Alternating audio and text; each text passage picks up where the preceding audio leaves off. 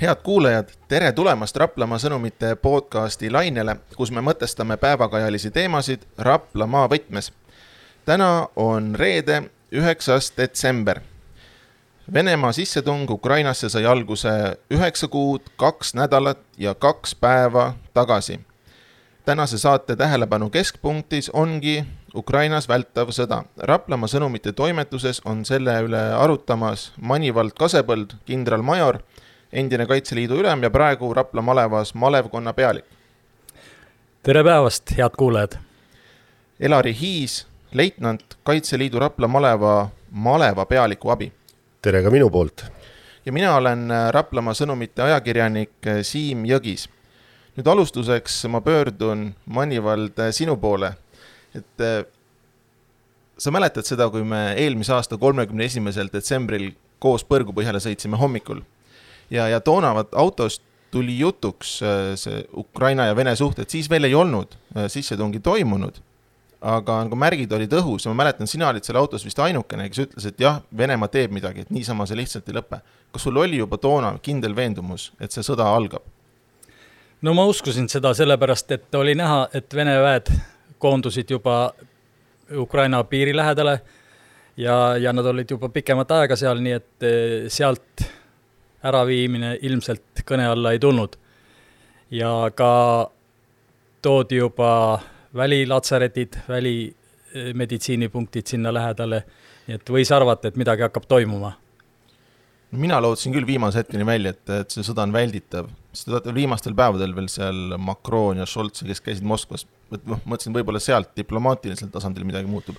aga Elar Hiis, kuidas sinuga on, kuidas, kas sa tundsid, et see sõda tuleb või lootsid ka, et, et äkki veel jääb ära? noh, lootus sureb ju tegelikult viimasena ja, ja noh, nagu sa enne just õigesti ütlesid, et lootsime ju kõik, et terve mõistus pääseb võidule, aga paraku Putinil ja tervel mõistusel on väga vähe ühist, nii et noh, selles mõttes oli see näha, et see ikkagi on vältimatu, see konflikt, kas ta tuleb varem või hiljem, aga selge oli, et see tuleb. kui tähelepanelikult te siin äh, selle aja jooksul olete uudiseid jälginud, nagu igapäevaselt või, või püüate kuidagi hoiduda ka natuke, et mitte üle küllastuda? No mina isiklikult ikkagi iga päev vaatan üle, mis on toimunud Ukrainas ja, ja kuidas Venemaa ressursid on, nii et peab asjaga kursis olema. ja mina samamoodi tegelikult, kui ma väga palju uudiseid ei vaata, siis Ukraina on üks osa minu igahommikusest ja ka igaõhtusest uudiste teemast, et kas siis läbi Igor Taro või Teet Kalmuse vahendatud info või siis rahvusvahelised mingid kanalid, et see on huvipunkt number üks. Manivald, mis kanaleid sa kasutad, internetist või telekast? jaa, ma vaatan internet, internetist põhiliselt ikkagi ja, ja noh, Eesti uudised ka, aga, aga ma vaatan sealt mõlema poole uudised, nii Ukraina kui Vene poole informatsiooni sellest sõjast. mida Venemaa pool räägib praegu? no Venemaa pool räägib, et kõik on väga hästi, et, et kõik on, et eh, need tagasitõmbamised ja kõik on nagu planeeritud ja, ja nagu Putin ütleb, eh, kogu lahingutegevus käib plaanipäraselt. Naljanumber, eks ole, see on täielik naljanumber, sest alguses, päris alguses oli ju juttu, et kolme-nelja päevaga võtame Kiievi ära. noh, ja nüüd me oleme siis, mis, üheksa kuud hiljem, eks ole? No algul oli juttu ju, et eh, seal on eh, Ukrainas on narkomaanid valitsuse eesotsas ja natsionalistid, et rahvale tuleb anda võimalus valida omale õige valitsus. et eh, Vene sõjavägi läheb erioperatsiooniga seda lihtsalt rahvast abistama mm. -hmm. aga kui nad said juba tagasilöögid, kui Ukraina alustas vastupanu, siis praeguseks hetkeks on juba muutunud see retoorika, nad enam, enam ei räägi, et seal on fašistlik valitsus või narkomaanid, aga praegu räägitakse, et võitlus käib Venemaa ja NATO vahel, et läbi Ukraina. üks asi, mida Ukraina pool igapäevaselt teeb, on edastab numbrid äh, Vene poole kaotustest ja ma olen neid jälginud ja ma panin need kirja ka, mul on küll tegelikult kaheksanda detsembri seisuga praegu siin kirjas, et äh, tuli info, et Venemaa kaotused on üheksakümmend kolm tuhat kaheksakümmend sõdurit, kaks tuhat üheksasada kolmkümmend seitse tanki, kakssada kuuskümmend neli helikopterit, viis tuhat üheksasada üksteist soomukit ja noh, seal oli veel neid numbreid. aga minu küsimus on see, et äh, on need usaldusväärsed numbrid teie arvates või on seal mingi sõjaudu, mingi sihuke noh, et Ukraina pool meelega üritab selle suurendada neid? no kui me ise ei ole üle lugenud neid kaotusi, siis äh, kindlasti on sinna ka juurde pandud, aga, aga ma tahaks öelda veel seda, et äh, ka Ukraina, Ukraina-poolsed kaotused on kindlasti suured.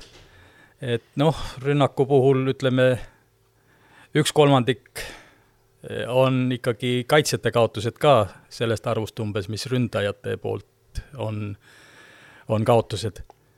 aga ma usun, et venelasel ikkagi veel seda ressurssi on, nii eh, lahi-, lahingutehnika kui ka eh, elavjõu poolest, et ta praegu kindlasti hakkab veel läbi viima sellist varjatud mobilisatsiooni et kui ta päris sõja kuulutab, siis tuleks, tuleks muidugi täismobilisatsioon, mobilisatsioon, aga praegu ta teeb ikkagi niimoodi varjatult ja, ja mitte, mitte nii avalikult seda.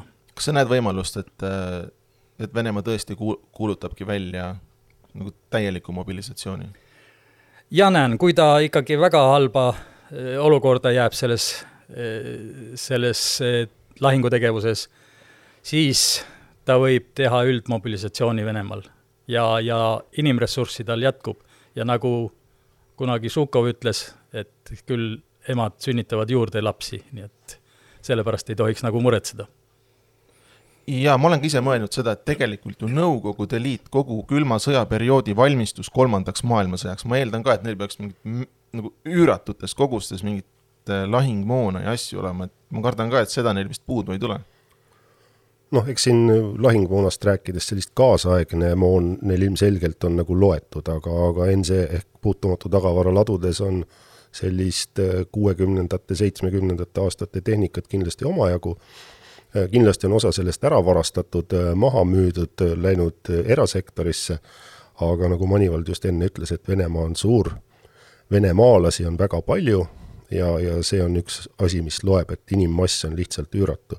aga mida ma tahan nende kaotuse numbrite kohta öelda?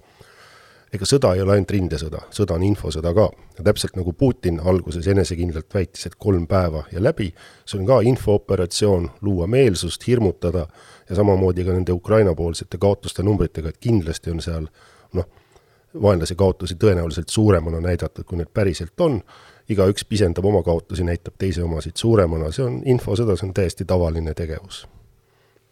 ma olen kuulnud just erinevaid arvamusi selle kohta, on ka neid, kes väidavad, et need numbrid on liiga väikesed, et tegelikult on seal sada tuhat ja pluss juba surma saanud, aga ei tea.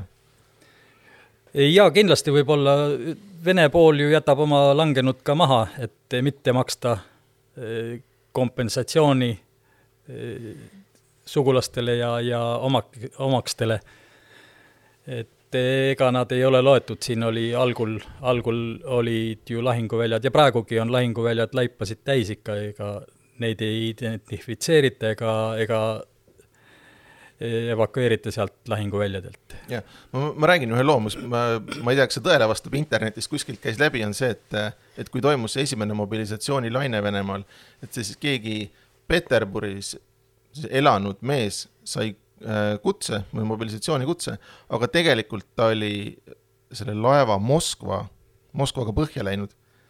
aga kuna teda ei kuulutatud mitte surnuks, vaid kadunuks, et siis saadi, saadeti talle mobilisatsioonikutse, mille siis perekond Peterburis sai kätte, et noh, niisugused jaburad naljakad kood, mis, lood, mis räägivad, et ka, et, et ikkagi tõenäoliselt nagu statistika ei ole noh, kaugeltki lõplik, eks ole. ei, kindlasti mitte, et äh, statistika on numbrite kogum, milles enam-vähem kokku lepitakse ja me oleme ilmselt kõik näitud, näinud seda saadet Võimalik vaid Venemaal, et äh, päriselu on kindlasti veel kirjum kui see, mis sinna saatesse on sattunud.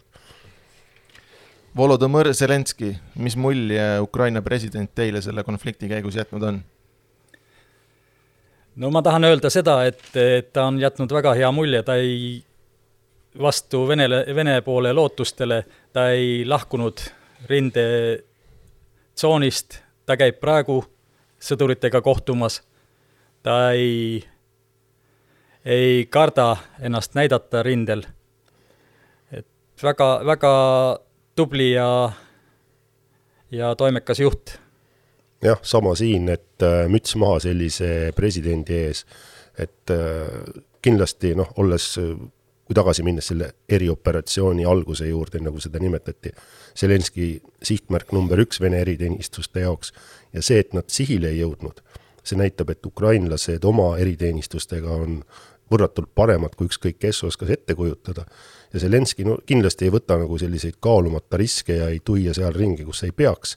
Et ta käib, noh, jäi Kiievisse, käib rindel, siis see kindlasti on hästi turvatud ja enne hästi ette valmistatud, et kindlasti mitte presidenti kuidagi ohtu seada, aga julge mees ja müts maha.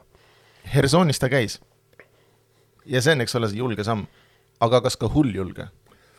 ei, eks tal on ikkagi turva, turvamehed ja, ja turvamine on ikkagi tasemel, nii et et ega ta päris hulljulget sammu ka ette ei võta. Noh, võtame kas või selle, et kui nüüd juhtuks, sülitan praegu üle õla siia stuudio või toimetuse põrandale, et kui eriteenistused, venelased saaksid ta kätte.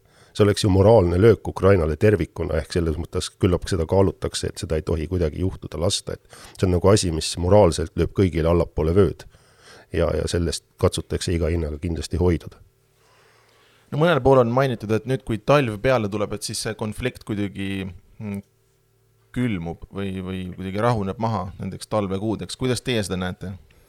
no praegu on näha, et Vene pool kindlustab oma positsioone praegu rindel ja kaevab kaevikuid, tankitõkkeid paigaldab, nii et ta kardab äh, Ukraina rünnakut küll, aga ilmselt tekib mingisugune paus ja, ja no see paus ei olegi väga hea selles olukorras, sellepärast et et Vene pool saab hakata oma jõudusid natukene ümber korraldama, ressurssi juurde tooma, et eh, ühtepidi on ta, on ta praegu nagu seisu, seisaku peal, aga teistpidi, kui maa külmub ja, ja ilmastik lubab, siis saab rasketehnikaga jälle, tankidega saab liikuda seal pinnase peal, nii et see kannatab juba siis tanke, et noh, võib veel, võib veel suuri rünnakuid tulla niimoodi ka. noh, siin just ongi see, et Ukraina pool on hästi palju ratastel soomustehnikat. ja kui nüüd äh, tuleb talv selline, et maapind külmub, aga sügavat lund ei tule, siis see on täpselt see, mis äh, rünnakuks on vaja ja täitsa kindlasti ukrainlased aduvad ju ka seda, et kui venelane saab hingetõmbeaega, siis tema reservid saavad paremini välja õpetatud ja selle võrra raskem neil on äh, kevadel et nad kindlasti proovivad talvel üht-teist korraldada ja ma arvan, et noh, niisama kaevikusse passima keegi ei jää, sest noh, üksused ju kuluvad, isegi kui nad midagi ei tee. kui murranguliseks see talv kujuneb sellest vaatenurgast, ütleme Ukraina tsiviilelanikkonna siis kuidagi vastupanev võime seisukohast, et kui venelased siin järjepidevalt ja jätkuvalt energiataristut ründavad, on külm, elektrit ei ole ja noh, tahes-tahtmata tekib niisugune tülpimus või, või kuidagi, kuidas, kui palju see võiks mõjutada? paistab, et eh, Vene pool tahabki rahva, eh, rahva vastupanuvõimet nõrgendada sellega, et eh, ta kindlate sihtmärkidena hävitab elektrijaamasid, samuti veevarustust ja kindlasti mõjutab see rahva moraali. sellepärast, et kaua sa külmas janus, pimedas saad vapper olla. et venelane rõhub just sellele, et inimesed hakkaksid ise nõudma, et anname need maatükid ära, laseme, laseme kokku leppida rahu osas ja, ja et kõigil oleks siis süüa, sooja ja peavarju.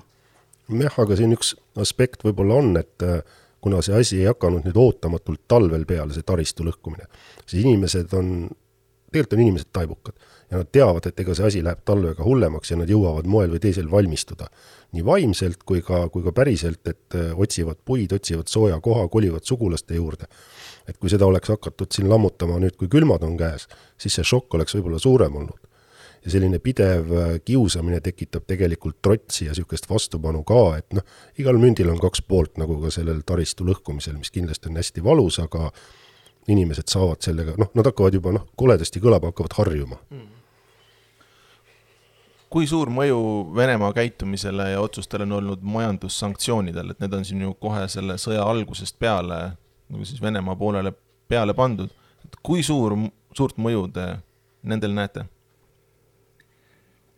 Ma ei näe nendel väga suurt mõju praegu, aga eks see mõju hakkab järk-järgult ikkagi suurenema. et, et venelane on pannud tööle enda tööstuse, toiduainete tööstused, asjad, kõik on nagu rohkem hakanud eh, riigisiseselt siis toimima. ja noh, need sanktsioonid ei ole ka piisavad kindlasti mitte, kas või see eh, nafta hinnad ja, ja mis siin on on välja pakutud, et, et ega need sanktsioonid praegu venelast nii väga veel võib-olla ei mõjuta. jah, siinkohal ma olen Manivaldiga täiesti nõus, et noh, kui, kui see kauss, kust hakatakse vett ära laskma või, või vähem peale tilkuma, on hästi-hästi suur, siis võtab aega, et see veetase seal alanema hakkaks, et noh, nagu Venemaa on üüratult suur riik ja, ja neid ressursse on, küll seal mingites valdkondades tekivad vajakud, aga, aga noh, see ei anna nii palju tunda, et kui nüüd nagu, kui siin oli, et äh, venelane paneb oma tööstuse käima, toiduainete tööstuse või muu, siis selline kaasaegne tööstus eeldab niisugust peenemat mehaanikat. Ja see on nagu asi, äh, mis äh, Venemaal võib olla miinuses ja kui seda piisavalt ei tarnita, siis noh, pika vinnaga, aga need mõjud jõuavad kohale. ma olen ise mõelnud, et võib-olla Peterburi saab kõvasti haiget just sellepärast, et turistid ära kaovad. sest et ütleme, Euroopa turistid ju ikkagi käisid seal hotellid, restoranid, noh, muuseumid, kõik asjad, töökohad on ju kõik sellega seotud, turismi siis sektoriga, et kuna, kui see kõik asi on ära langenud, et võib-olla see siis nüüd Venemaa keskklassile teeb haiget, ütleme Peterburi keskklassile teeb haiget. noh, eks neid turismipiirkondi ju veel siin Musta mere ümbrus ja, ja seal ka, et kindlasti see teeb kõigile haiget, aga, aga noh, see turismisektor tervikuna on ju suht marginaalne tegelikult kui me vaatame siit tervet Venemaad, noh, mis on Peterburi. Rahulolematuid kindlasti on, aga kas need on piisavalt mõjuka sõnaga rahulolematud, et see, nende sõnum kuskile kohale jõuab, see on küsimus.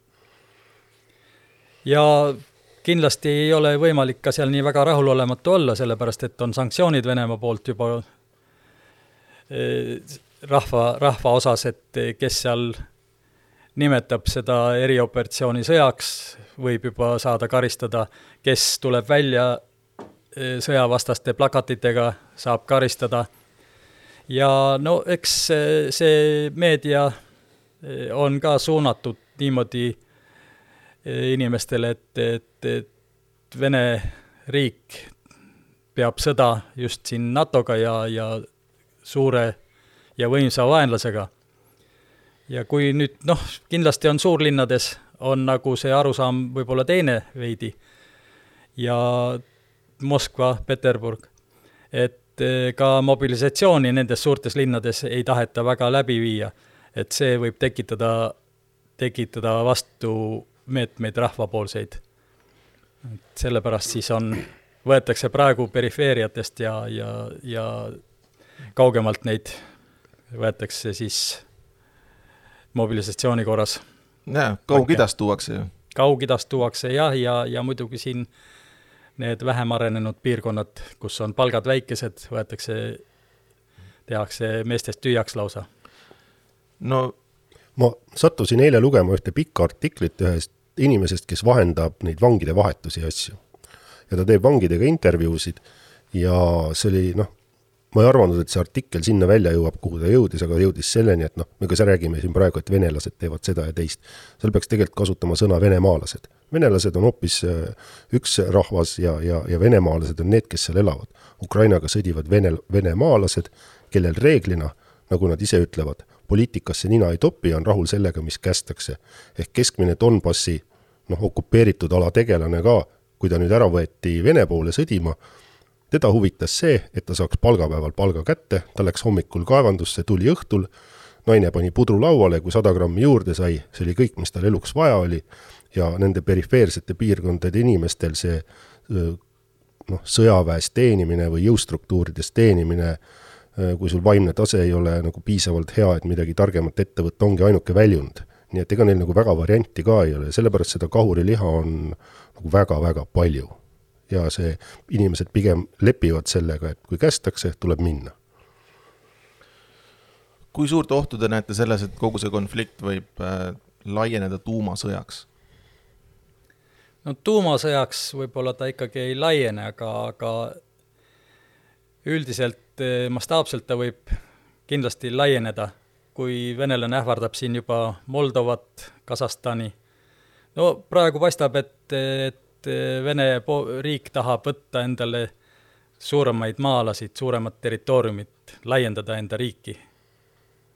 aga, aga tuumasõda, ma arvan, paneb kõik pooled mõtlema.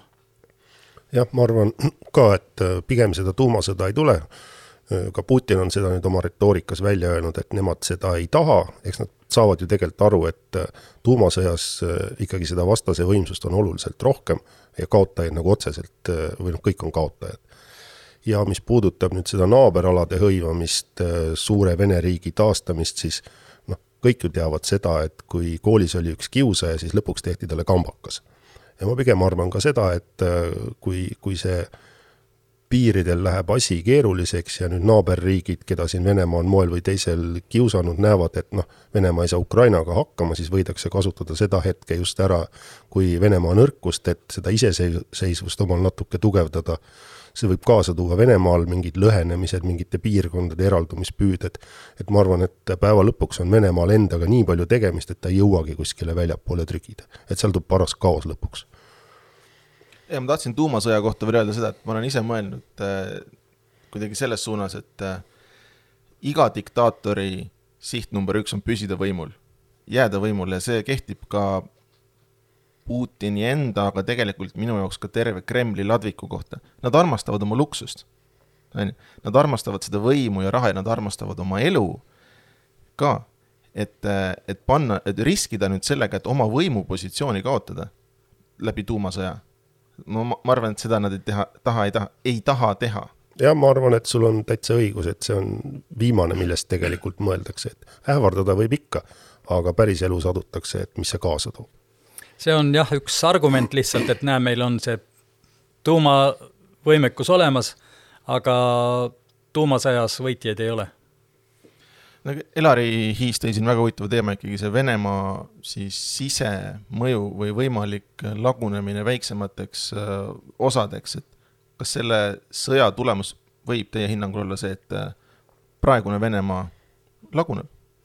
kindlasti võib olla see, et, et tervet Vene riiki saab Kremli aknast näha lõpuks see on ilus lootus ja, ja võib-olla see ei peaks sel juhul ka Vene riik olema, mis sealt Kremli aknast paistab. aga ma arvan, et sellel sõjal võivad sellised kaudsemad, pikemad tagajärjed olla küll, sest et äh, täna on ju ka näha, et neid äh, Putini nii-öelda leitnandid või ütleme, tema tentsikud, on ta siis Kadõrov või, või keegi teine, et nad tegelikult tahavad ise võimule saada ja neid on rohkem kui üks, et kas nad hakkavad nüüd üksteist elimineerima või jagavad midagi ära, et noh, minu jaoks on see suur küsimus, et kui need eraarmeed seal toimetavad ja Vene riik seal kõrval oma riigiarmeega nõrgaks jääb, siis noh, mul oleks küll kiusatus nagu ise proovida müts oma pähe panna.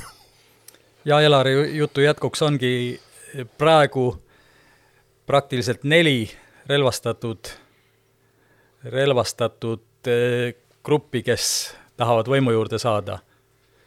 üks on eh, Wagneri eh, palgasõdurid, siis on Tšetšeenia, Kadõrovi ambitsioonid, siis on tegelik armee ja, ja siis see MCS, see on siis nagu päästeamet või selline, kes on siis ka, need neli on nagu konkureerivad. ja, ja osale on juba siis ka julgeolek kohal, Venemaa julgeolek pannud pilgu peale nii Wagneri omadele kui ka tšetšeenidele ilmselt, aga, aga noh, eks me näeme, kes seal, kõik tahavad, need neli tahavad võimule saada. üks ägedamaid uudiseid minu arust, kui nüüd selle sõja vältel võtta, mida lugeda, on see, kui mingi Vene üksused omavahel tulistama hakkavad. Ja seda on ette tulnud. Ja seda on video peal ka tegelikult, nii väiksed videoklipid on sellest, kuidas mingi Vene sõdurid üksteist tulistavad, et see on et noh, mingi segadus seal omavahel neil ikka on või mingi konkurents? usu mind, seda segadust on nii-öelda nii, nii Vene poole peal kui Ukraina poole peal, et see sinine sinisele on noh, see lihtsalt tulebki infot, sa ei tea, kus mingi üksus on ja see on noh, see on tööõnnetus. seda juhtub, see on paratamatus, aga noh, meil on muidugi hea meel, kui seda venelastega juhtub rohkem kui ukrainlastega. ja see on tegelikult see informatsiooni puudumine ja, ja mitte edastamine, et ei tea, üks üksus ei tea, kus on teine nende nende sõbralik üksus, nii et sedasi võib juhtuda ja, ja mitte ainult selles sõjas, nii et selliseid no, asju juhtub. on ka seda olnud, et nad lähevad tülli mingi, mingi noosi pärast? jaa, seda kindlasti ja praegu on, kuna Wagneri üksustes on väga palju neid värvatud vange, siis on neid juhtumeid juba Venemaal, Venemaal olnud. siin oli alles paar päeva tagasi üks kuulpildujaga pani minema sealt väeosast ja, ja oli miilitsatega väike lahing, aga ta võeti kinni ja, ja on arreteeritud. oota, aga Vene meedias räägitakse sellest või Ukraina? see oli, see oli Vene meedias ja isegi vist käis, käis läbi võib-olla siit Eesti meediastki kuskilt ma ei mäleta, kus ma seda informatsiooni lugesin ja vaatasin, siin paar päeva tagasi oli see igal juhul. noh, siin ka rahvuslikult pinnalt ju neid konflikte olnud, kus väljaõppel olnud mobiliseeritud, seal keegi, mingi ohvitser hakkas mõnitama ja, ja siis see palus äh, oma keeles sõpradele eemale astuda ja, ja avas tule ja noh, selles mõttes on, noh, kui ei ole ühtset sellist eesmärki või inimesed ei saa eesmärgist aru, siis selliseid konflikte tuleb palju ja ja ilmselgelt venemaalastel on suur segadus selle sõja nagu või noh, erioperatsiooni eesmärkide osas ja, ja see on ju ainult hea, et segadus tekitab nõrkust. ja muidugi on siin need mobiliseeritud on ka tõstnud mässu, nii et eh, korra oli eh, selle põhjuseks palkade mittemaksmine siis samuti on ju väga suur probleem see, et ei ole korralikku varustust, ei ole kuuliveste, mis äh, on nagu petukaup neile antud, mis, mis ei pea kuuli. Ja samuti on puudus jalanõudest, äh, vormidest ja, ja teistest vahenditest, mida on sõdur, mida, mida peab sõdur saama lahingusse minnes, nii et äh, praegusel porisel ajal saabastega või ketsidega, kus nad seal lähevad, liiguvad, jalad on märjad, külmetavad, nii et, et see võtab motivatsiooni ka meestel maha. muideks, kas te olete kuulnud või kuulanud neid telefonikõnesid, mis Vene sõdurid äh, koju teevad, sealt tuleb ka ikka niisugust asja välja? no nad ropendavad seal muidugi ainult, on ju aga noh, et, et kõik on ikka halvasti, et me pole neli ööd siin magada saanud, sest kõik on, kaevikud on vett täis ja siuksed asjad, et. kaevikud on mõlemal poolel vett täis, aga jah, kui sul on varustus vilets, siis, siis sealt tekivad sellised noh, meeleolu langeb, motivatsioon langeb, väsimus, halvad otsused, vahest ka mingid isiklikud vastuolud, üks sõna viib teiseni ja, ja need konfliktid tulevad sealt pinnalt lihtsamini ja sellepärast ongi hästi oluline, mida siin Eesti ja terve Euroopa nüüd on ette võtnud, et Ukraina sõduritele just varustust, no ma mõtlen nüüd relvi, eks ole. aga, aga vormiriietus, mingite, eile just lugesin mingi riide kuivatamisbussist, eks ole, et selliseid lihtsaid asju, mis aitavad nagu sõduritel selle porilombis ellu jääda, sest tõesti, seal on kaevikud poolest säärest saadik vett täis ja noh, ole seal. kuivad jalad on sõduril nagu kõige tähtsam asi üldse peale relva. mida eriti, eriti ka veel nüüd, kui hakkavad ilmad hästi külmaks minema ja, ja kui sul on jalad märjad, siis hakkavad sealt mehed välja langema ikkagi lahinguüksustest. ütleme, Eesti ja teised Euroopa riigid on ikka head tööd teinud, eks ole, selle siis, kuidas, mitte militaarse varustuse või noh, abi, abi osutamise osas, eks. küll aga Ungari, mida arvate Ungari käitumisest, kes siin, kes siin loetud päevad tagasi, kas blokeeris Euroopa Liidu abipaketti Ukrainale, vist oli mingi niisugune asi, et mida sellest arvate? noh, arvata võib seda, et eks üks sõber nendel istub Moskvas. Putiniga tahetakse ilmselt hästi läbi saada, ega kui me vaatame, mida teeb eh, Prantsusmaa president, kes ütleb, et ärme Putini nägu ära riku. säili-, laseme tal oma näo säilitada. jah, ja, ja, ja et hea küll, et me ei vii piiri äärde lahingutehnikat ja noh, see kõik näitab, et tahetakse ikkagi Putini nägu säilitada, nagu Elari ütles siin. ja mingid julgeolekugarantiid Venemaale, mingi sihuke jutt, mis on ka julgeolekugarantiid agressorile, noh, see nagu ei käi kokku. siin ootab ainult kohus seda agressorit, nii et siin ei ole mingisugust eh, garantiide andmist ja sellest üldse mitte juttugi. Aga Eesti, eh, tulles siia Eestisse, kas teie teate eestlasi, kes on läinud eh, Ukrainasse sõdima või käinud seal? ei saa rääkida sel teemal. ma ei küsi nimesid, ma isegi, ma isegi ei küsi numbreid, aga et alati teab keegi kedagi. alati teab. no ma tahtsin ise kahekümne neljandal minna. aga siis öeldi, et Kaitseliidust välja, varustus ära. Jah, era, eraisikuna. veebruaril ma mõtlen jah, siis kui hakkas see, siis ma helistasin Kaitseliidu ülemale, aga aga ta arvas, et see ei ole hea mõte et eraisikuna minek on nagu okei okay, ja Manivald tegi selle kõne ja ütles, et ta tahab minna ja täpselt astud välja, pagunid jätad koju, relvad ka ja lähed kaks kätt taskus, seda võib ükskõik kes täna teha ju. ja sellepärast ma ütlengi, neid inimesi on omajagu, kes seal täna on.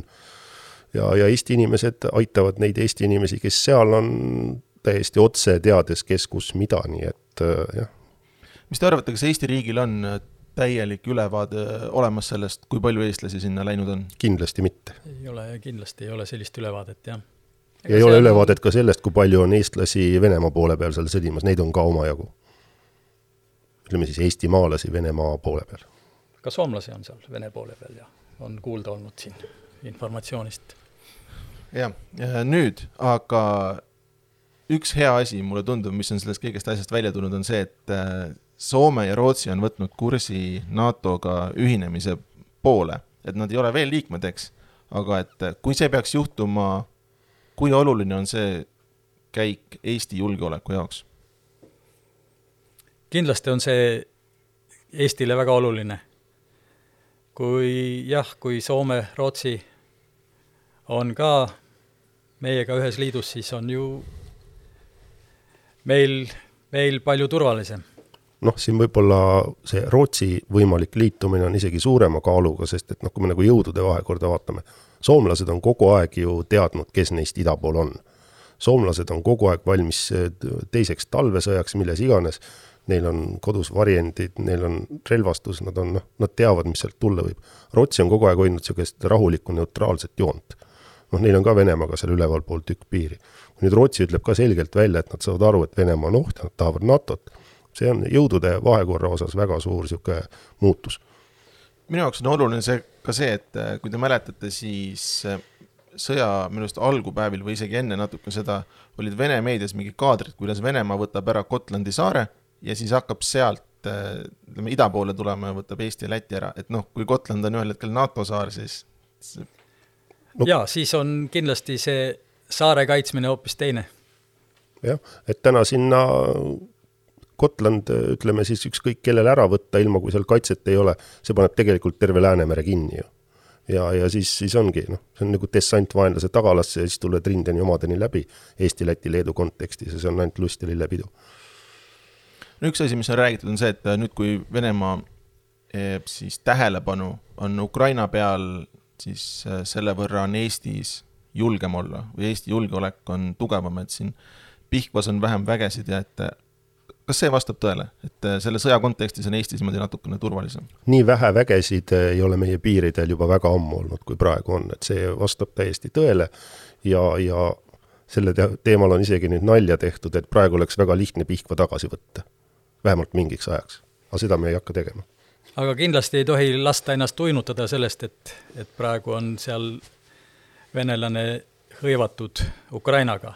et ega me peame igal juhul alati valmis olema selleks, et ta ei ole unustanud ka Baltikumi ja nüüd üks oluline teema, mis siin Eestis on äh, kõvasti kirgi kütnud viimastel nädalatel, on Nursipalu äh, harjutusvälja laiendamine. Ja kaitseminister Hanno Pevkur on öelnud ikka konkreetselt välja, et me teeme selle ära, me laiendame, isegi nende siis kodude arvelt, mis siis sinna laiendusele ette jäävad, et kuidas teie seda näete, et kas see see temp tuleks ära teha?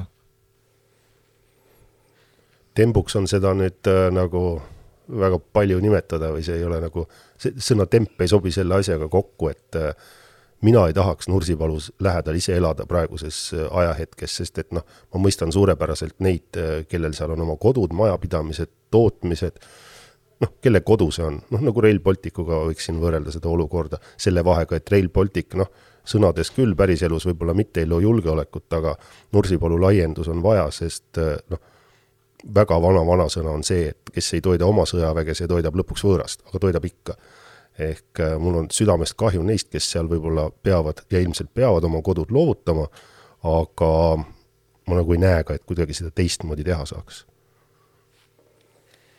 ja Elari põhjendas selle asja täitsa ära, nii et äh, kindlasti ei ole võimalik, et mõlemad pooled rahul oleksid. riigil on vaja harjutusväljakut suurendada, meie võimekust tõsta sellega aga eks see jälle mõjutab inimeste, seal elavate inimeste elu.